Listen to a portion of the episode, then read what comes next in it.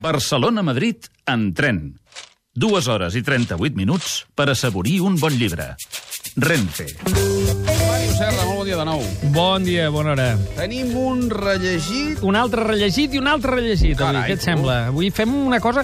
Dos d'aquests rellegits els he rellegit sense saber-ho que eren rellegits. No pas per mi, sinó perquè veuràs que tenen el seu què. Comencem pel primer, això sí, amb, amb un disc de versions sensacional, les tres de Glissando.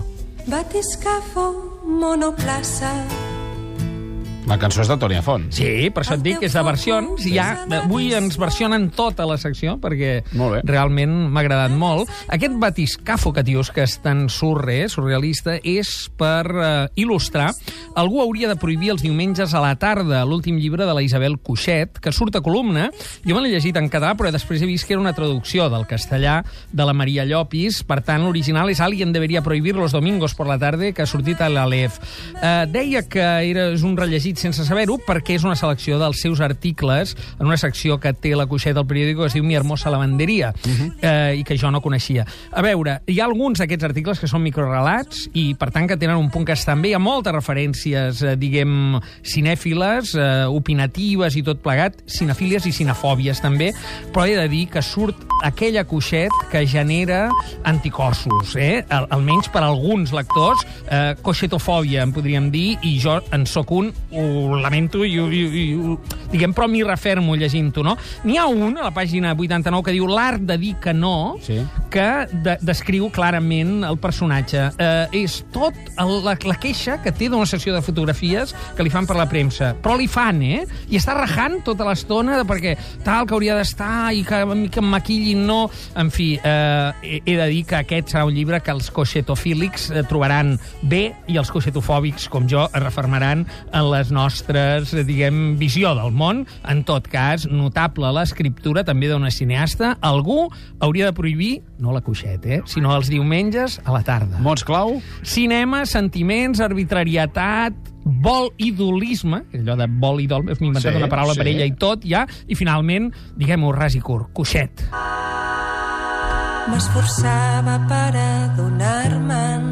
Això és Human, dels Killers. Sí, amb aquesta versió glissant, amb aquesta noia, veus que, a diferència de la coixet, a mi aquesta noia, diguem, ja em provoca sentiments més propers. Eh? M'agrada, Jo diguem. he sentit el Human així, No, eh? no sé, eh? Però, però així perquè ara la tens lluny. Si la tinguessis a cau d'orella... Potser sí, potser sí. Eh, És posar-s'hi. Això de les versions és posar-s'hi. En tot cas, segon rellegit del dia, cada dia penso en tu. Mm, No amb la noia aquesta, sinó... Bueno, no ho sé, eh? m'ha No, fet dubtar. Tres Eh, cançons avui de Glissando i, bueno... Bueno, bueno, què està passant, no? Què està passant, sí. Cada dia penso en tu és l'últim llibre de la Maria Barbal, també és de columna, i aquí i també és un rellegit sense adonar-me'n, perquè és un eh, recull de contes protagonitzats per animals de companyia. Eh, a veure, ja ho explica, eh, la Maria Barbal, al text liminar, que tres són inèdits dels vuit, però els altres cinc venen de llibres anteriors, que jo no coneixia. Bari, del 98, i Pampallugues, del 91. El vincle és temàtic, és un llibre correcte, diguem, però discret, molt eh, adequat per a la gent que li agradi, diguem, el, els animals. Són molt de color blanc, és a dir, que no, no són uns contes gaire, diguem, conflictius, eh, pot, pot llegir-ho a la canalla, són reflexius i constaten una cosa, els animals domèstics eh, s'assemblen molt als seus amos, que és una cosa que ja sabíem, no?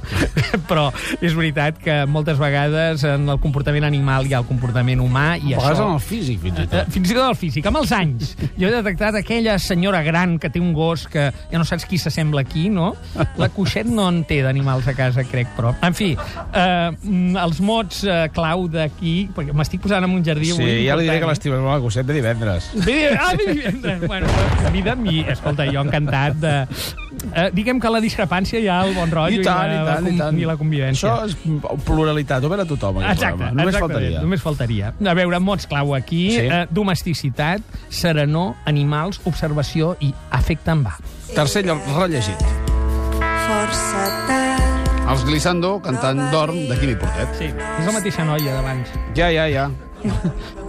Una màquina d'espavilar ocells de nit. Deixa'm el disc. Deixa'm el disc perquè mirarem si hi ha fotos ja. Hi ha fotos Mario a dins, Serra. sí. Sí, hi ha fotos, però, però el que compta moltes vegades és el so, eh? Sí.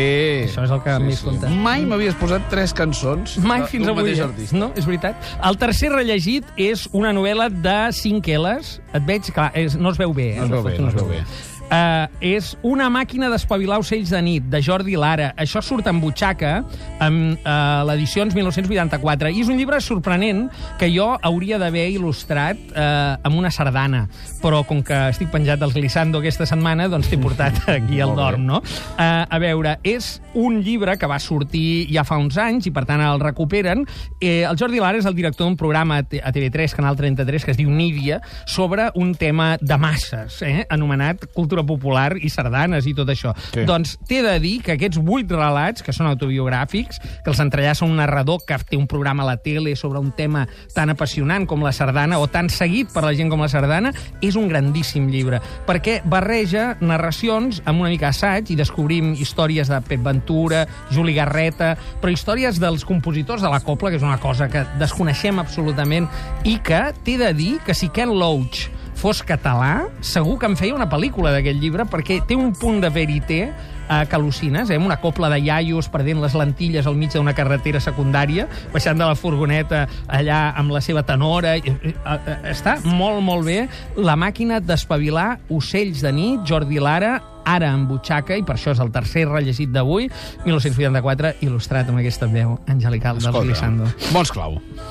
Música, Sí, sí. Sardana, cobla, viatge i una cosa que de vegades costa de barrejar, tradició i modernitat. Un número de l'Ol 353, Màrius. 333.